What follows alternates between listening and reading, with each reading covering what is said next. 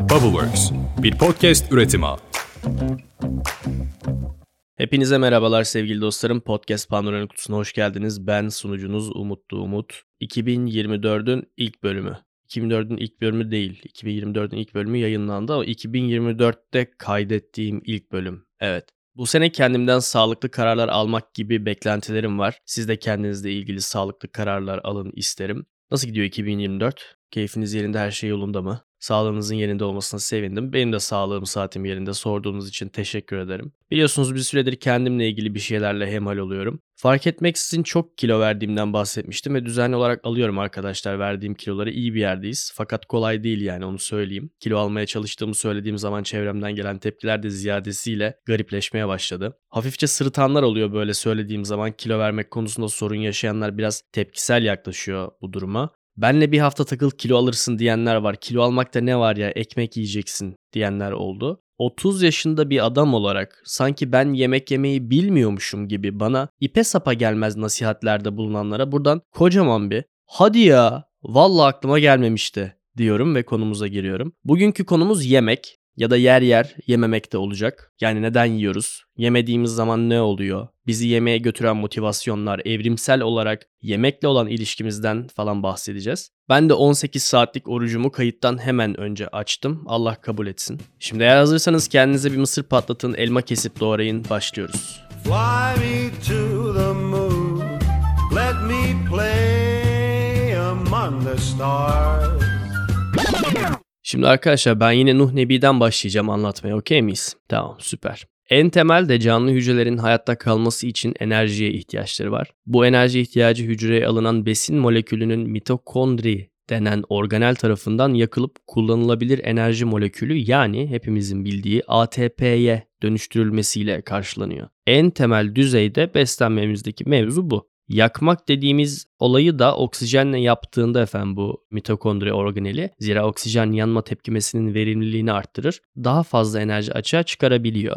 Aynı mekanizmadan ötürü mesela eşiniz dostunuz mangal yaparken ateşin boğulduğundan, nefes alamadığından falan bahsederse kafanız karışmasın. Gerçek anlamda ateş oksijenle beslenmediğinde sönecektir. Çünkü oksijen yanma tepkimesinin bir ihtiyacı. Efendim bu oksijenle beslendiğinde yanma tepkimesinin verimliliğinin arttığını fark eden hücreler evrimin belirli bir noktasında der ki aga o zaman biz birleşelim, bir koalisyon kuralım ve aramızda bir görev dağılımı yapalım. Bu görev dağılımı ile birlikte genel verimliliği yüksek olan çok hücreli yapılar meydana gelir. Bazıları oksijeni bünyeye almakta görevli, birim zamanda daha fazla oksijene erişim sağlar. Bazıları da bu oksijeni yakıp enerjiye çevirmek üzerine evrimleşmiştir. O ona oksijen sağlar, öteki de buna enerji sağlar. Ticaret gibi düşünebilirsiniz yani bedenin içinde. Ve evrim ilerledikçe birlikte var olan hücre sayısı da arttığı için bünyenin birim zamanda ihtiyacı olan enerji miktarı da artıyor ve daha büyük besin maddelerine yönelmeye başlıyor. Daha büyük besin maddelerine yönelmeye başlamasıyla birlikte sindirim sistemleri oluşuyor. Çünkü büyük besin maddeleri doğası gereği direkt yakılıp enerjiye dönüştürülebilecek moleküllerden oluşmaz. Ne olur?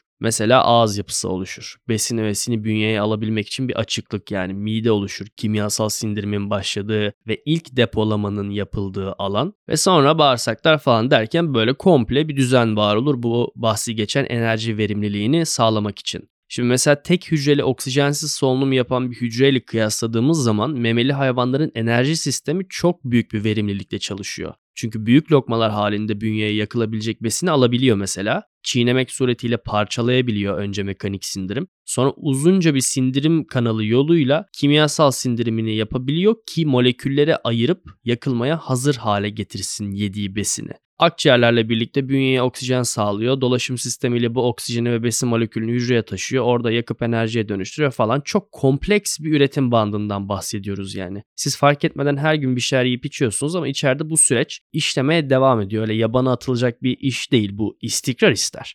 3 temel besin molekülü var arkadaşlar. Bunları yediğiniz her paketli ürünün arkasındaki ufak tabloda bulabilirsiniz. Karbonhidrat, protein ve yağ. Karbonhidrat dediğimiz basit ve kompleks olarak ayrılsa da en temelde şeker bunlar. Hızlı yanar, hızlı işlem alır, az enerji verir ama erişimi kolaydır. Piyasa ürünleri arasında da en ucuzları bunlar zaten. erişim kolaylığından sebep ham madde değeri pahalı olmadığı için ürünün kendisi de pahalı değil işte yani çikolata, gofret falan. Hani çikolata yine içinde kakao olduğu için belki birazcık daha pahalı ama gofret mesela ucuz bir şey. Şeker ucuz bir şey. Un ucuz bir şey. Efendim yağ molekülü en çok enerji veriyor olsa da bedende yakıma hazır hale gelebilmesi zaman alır. Kompleks bir moleküldür. O yüzden vücutta çok zor günler için saklamak adına biriktirilir. Ve hatta tüketilmeyen, yakılmayan şeker yani karbonhidrat moleküllerini de karaciğer yağ molekülüne çevirip depo edilmek üzere vücudun çeşitli alanlarına gönderir. O yüzden de çok bira içerseniz, çok hamur işi yerseniz, efendim çok çikolata, şekerli şeyler yerseniz yağlanmanızın sebebi bu. Yağ molekülü piyasada kalitesine göre farklı kaynaklardan elde edilebiliyor. Farklı değerleri ve ederleri var kaliteli bir zeytinyağı ile margarin arasındaki fark gibi. Yağ molekülünün enerji elde etmek dışında farklı görevleri de var bedende. Mesela kayganlığından faydalanıyor eklem içi boşluklarda sürtünmeyi azaltmak için. Bunu kapı menteşesini VD40'lamaya benzetebiliriz. Göz ve beyinde kullanılıyor aynı şekilde. Yani içimize aldığımız her şeyi fırına atıp da yakıyor değiliz. Protein molekülü aralarında en değerlisi çünkü yapının temel maddesi. Zaten protein değerleri yüksek olan besin maddeleri de bütün piyasada en pahalı olan ürünler arasındadır. Dokuları da proteinden meydana getiriyoruz. Hormonları da, enzimleri de, organları da. Bir yeriniz kesildiğinde yaranın kapanması için proteine ihtiyaç duyuyor vücut ya da antrenman yapıp kaslarınızı geliştirmek istediğinizde yine proteinle sağlıyoruz bunu. Günde 40 yumurta yiyen bodycileri biliyorsunuz işte o yüzden. Her birinin yakıldığında açığa çıkardığı enerji miktarı farklı takdir edersiniz ki bir yağ molekülü işlendiğinde açığa ortalama 9 kalori çıkarabiliyorken protein ve karbonhidratlar 4,5 kalorilerde kalıyor. Ve her birinin tercih sırası da birbirinden farklı vücut için. Önce karbonhidrat sonra yağ en son proteini yakma eğilimi gösteriyor. Fakat bu organik bir süreç. Yani hayat bilgisi dersinde öğretilmeyen şey bu. Beden organik bir şekilde çalışıyor. Makine gibi değil. O esnada enerjiye ihtiyaç duyan hücrenin hangi moleküle erişimi varsa onu alır yakar. Şunu söylemez yani. Ya boşu boşuna kasın içindeki proteini yakmayalım Sabahattin abi. Bak karaciğerden haber geldi. Birkaç saat içinde yağ molekülünü parçalayıp gönderecekmiş. Onu beklesek be abi. Hayır efendim. O enerji ihtiyacı karşılanacak gerekirse bisepsinizden yakar yersiniz. Temelde vücudun enerji sistemi bu şekilde çalışıyor. Fakat evrimsel pencereden baktığımız zaman insan türü olarak atalarımızın bizimkisi gibi öyle günde 3 öğün çeşit çeşit yemeğe erişimi yoktu. Avcı toplayıcı olduğumuz dönemde yemek varsa tıkanana kadar yiyip olmadığı zaman da aç kalıp yemek arayarak geçiriyorlardı zamanlarını. Ve bu bahsettiğim avcı toplayıcı periyodu çok geniş, çok uzun bir süre. Yani beden fizyolojisinin adapte olabileceği kadar uzun bir süre. Yani evrimi etkileyecek kadar uzun bir süreden bahsediyorum. Ve uzunca bir zaman periyodu geçirdik dediğim gibi bu şekilde. Tabii olarak da beden fizyolojimiz işte uyum sağladı. Yani esasında son belki birkaç yüzyıldır hayatımıza yerleşen günde 3 öğün yemek yeme mevzu tabiatımıza pek de denk düşmemekte. Zaten mesela obezite görülme oranının da son 60 yılda 3'e katlanmasının sebeplerinden biri bu. Modern endüstriyel toplumda yüksek kalorili paketli gıdalara erişim çok kolay. Gidip almana bile gerek yok. Telefondan sipariş veriyorsun evine kadar geliyor. Paralelinde fiziksel aktivite de bir o kadar azaldı. O yüzden bozuk beslenme düzeninin açığa çıkarttığı sağlık sorunları da arttı. Neyse obezite ile ilgili farkındalık yaratmak değil niyetim. İstediğinizi yiyin aslanların. Hatta büyük boy yapıp öyle yiyin afiyet olsun. Kısaca yemek yediğimizde ne oluyor anlatıyorum. Çiğnedin, yuttun, mideye gitti. Orada da kimyasal sindirim devam ediyor. Bağırsaklara gitti sindirilen besin öğesi ve emilip kana karıştı. Kandaki şeker miktarı arttı buna bağlı olarak. Önce bir güzel geliyor böyle iyi hissediyoruz. Beden yakacak geldi diyor. Hadi diyor yakalım diyor. Ama şeker miktarı artmaya devam ettikçe alarm veriyor. Diyor ki bu kadar çok serbest şeker kanda dolaşmaya devam ederse dokuları ve organları zehirleyecek. Şeker hastalığı dediğimiz şey de bu zaten zehirliyor. O yüzden insülin hormonu salgılanıp kana karıştırılıyor. Bu insülin de kandaki fazla serbest şekeri belirli hücrelerde depoluyor. Bunu yaparken biz bir aptallaşıyoruz. Bir hareket edemez hale geliyoruz. Uykumuz geliyor. O hani iki porsiyon mantının üzerine ekmek kadayıfı yediğiniz günü hatırlayın. Oturduğunuz yerden kalkamamanızın sebebi bu işte insülin. Aslında konumuz açlık. Biz modern toplumda yaşayan insanlar olarak açlığa toleransımız çok düşük. Hemen rahatsız oluyoruz bu durumdan. Agresifleşiyoruz, nemrutlaşıyoruz, yönetemiyoruz yani o hissi. Fakat esasında fizyolojik döngünün doğal bir parçası arkadaşlar bu açlık durumu. Sindirim sistemine bedendeki metabolik faaliyetlerin sadece bir parçası olarak bakarsak aslında bu kadar çok yemek yemeye ihtiyacımız olmadığı aşikar ya da bu kadar sık yemek yemeye. Yani canımız sıkılıyor dolabı açıyoruz atıştırmalık bir şey var mı diye bakıyoruz. Masanın üstündeki kuru yemişten bir avuç alıyoruz. Aa börek varmış deyip bir tane ondan atıyoruz ağzımıza falan. Fakat şunu anlamamız lazım. Bir dilim börek de yesen, bir öğün yemek de yesen sindirim sistemini harekete geçiriyorsun. Ve daha sabah yediğin yemeğin sindirimi tamamlanmadan yeni bir sindirim sürecine sokuyorsun vücudunu. Ve bu bir döngü halinde devam ediyor. Sindirim sistemi sürekli aktif kalıyor. E bir dur da bir motor soğusun yani. Motorun gerçekten soğumaya ihtiyacı var çünkü. Sindirim de vücuttaki diğer sistemler gibi bedendeki yegane enerji sistemine bağlı. Hepsi aynı enerji kaynağından besleniyor ve sindirim sistemi o kaynağın düzenli olarak bir kısmını işgal ettiği sürece vücutta belki çok daha fazla ihtiyaç duyulan başka bir yapım onarım süreci başlayamıyor. Açken sen sen değilsin diyor. Bir nevi doğru. Açlık esasında fizyolojinin varoluş hallerinden biri. Yani biz araba mantığıyla çalışmıyoruz. Önce burada anlaşalım. Yakacak varsa gidiyor yoksa duruyor gibi bir şey yok. Yakacak olduğunda başka olmadığında başka çalışıyor bedenimiz. Mesela neler oluyor? Bir besini yiyip tüketmekle tüketilen besinin kana karışıp hücrelerde depo edilmesi farklı süreçler. Öncelikle iyi sindirebilmek lazım, sonra iyi emilim lazım, sonra yeterli insülin lazım falan. İlk olarak sindirim sistemini çalıştırmadığınız periyotta sistem organlarını dinlendiriyorsunuz. Nihayetinde hepsi canlı dokudan oluşuyor ve kendi metabolizmik faaliyetleri de var. Yani örneğin midenizde bir yara dokusu varsa siz yemek yiyip ona iş verdiğiniz zaman kendisini onaramaz. Yara dokusu olmasına bile gerek yok. Her halükarda her doku kendi canlılığını optimal bir vaziyette sürdürebilmek için kişisel bakımını yapabileceği bir zamana ihtiyaç duyar. İkincisi sürekli yemek yediğimiz zaman dokulardaki hücreler insüline karşı direnç göstermeye başlıyor ve yemek yediğimiz zaman salgılanan insülin artık eskisi kadar etki gösterememeye başlıyor vücudumuzda. Bu da siz ne kadar iyi çiğneseniz de bağırsaklarınız ne kadar iyi emilim yapsa da makro besinlerin gitmesi gereken son durağa ulaşamamasını sağlıyor. Depo edilemiyor. Fakat 10-15 saatlik açlık periyotlarından sonra aynı hücreler insüline karşı hassasiyet geliştirmeye başlıyor. Yani kıyas yapacak olursak eğer hücreleriniz insüline karşı %20 tolerans geliştirdi diyelim. 10 dilim ekmek yediğinizde 8 dilimlik besin kullanılabilir olarak depolanıyor hücrelerde. Siz o 2 dilimi haybeye yemiş oluyorsunuz. Sindirim sisteminizi boşuna çalıştırmış ve yormuş oluyorsunuz. Sonuçta hepsinin de bir işletme maliyeti var yani bu organların. Zaten 10 dilim ekmek yemeyin de yani hesabı kolay olsun diye bu örneği verdim. Bu bahsettiğime insülin direnci deniyor. Muhakkak duymuş olanınız vardır. Şeker hastalığına giden yolda ilk durağımız insülin direnci oluyor.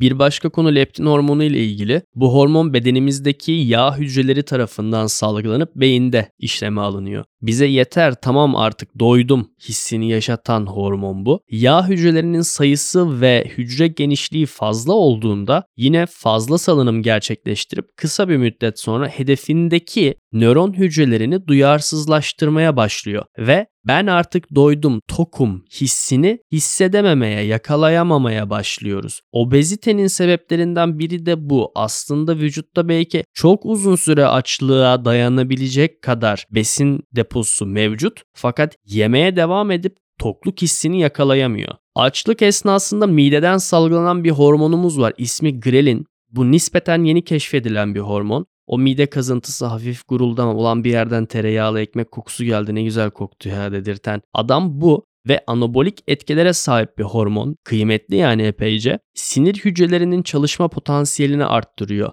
bakım ve onarımını sağlıyor. Büyüme hormonu salgılanmasını tetikliyor ve bunun ikinci etkisi olarak uyku kalitesini arttırıp süresini kısaltıyor ve hafızayı güçlendiriyor. Şimdi bazen bazı bilgileri ben duyduğum zaman ne alakası var dediğim olmuştur. Bu da onlardan biri yani ne alakası var hafızayı güçlendirmesiyle neden böyle bir şey var? Yine evrimsel açıdan baktığımız zaman ama bu mevzuya insan organizması doğal ortamında aç kalmış ve bu açlığın oluşmasında belirli sebepler hakim bir hata yapılmış olabilir mesela ya da doğada yanlış bir yola sapılmış olabilir. Ve bir daha bu açlık durumu yaşanmaması için bir savunma mekanizması olarak hafızayı güçlendiriyor bu hormon. Yani ne oldu da hangi kararlar alındı, neye maruz kalındı da aç kalındığı hatırlamak için o açlığı yaşarken açlık döneminde edinilen bilgileri hafızaya çok iyi kazıyor.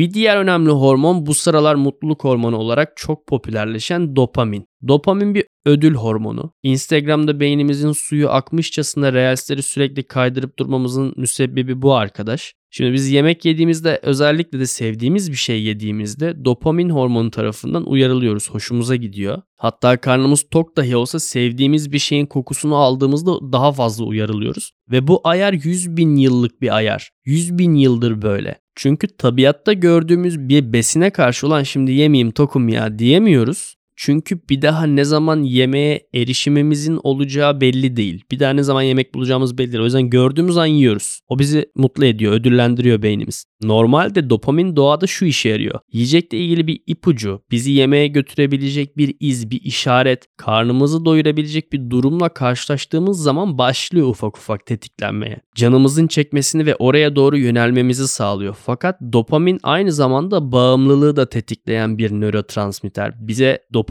salgılattıran şeylerin bağımlısı oluyoruz. Fareler üzerinde bununla ilgili bir deney var. Farenin beyninde dopamin salınımını tetikleyen bölgeye bir elektrot yerleştiriyorlar ve kumandasını da farenin kafesinin içine bırakıyorlar. Fare düğmeye bastığında içinin bir hoş olduğunu fark edince yemeden içmeden kesilene kadar sürekli düğmeye basmaya başlıyor ve ölüyor. Yani biraz da tehlikeli bir durumu var dopaminin. O yüzden de duygularımızı ve hislerimizi tek kerteriz olarak belirleyip hareket ettiğimizde sıçıyoruz çoğu zaman insanlık olarak. Yemeğe geri dönecek olursak özellikle şekerli besinler, tatlılar beyinde dopamin patlaması yaratıyor. Filmlerde depresyona giren karakterlerin elinde kova kova dondurma görmemizin sebebi bu. Tatlı yiyip tatlı konuşalım atasözündeki temel felsefe de bu. Ve fakat bu çok sık tekrar edildiğinde yine diğer tüm hormon ve transmitterlerdeki gibi bir tolerans gelişiyor ve ilgili hücreler dopamine sağırlaşıyor. Birçok dış uyarana karşı doz arttırımına gidilmesinin sebebi bu zaten. Daha fazla tatlı, daha fazla adrenalin, daha fazla mutluluk, daha fazla uyuşturucu, daha fazla alkol, daha fazla kadın. Ya ama bunlar tolerans geliştirilen şeyler ve sürekli doz aşımına gidiyoruz.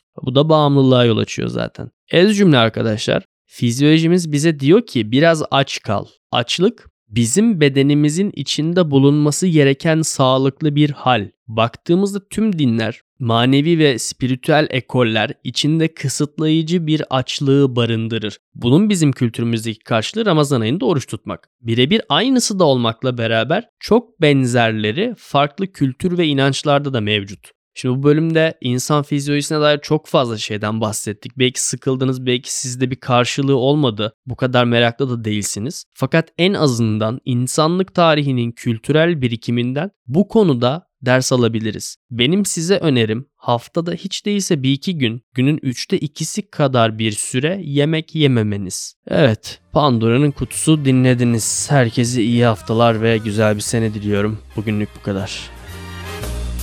I love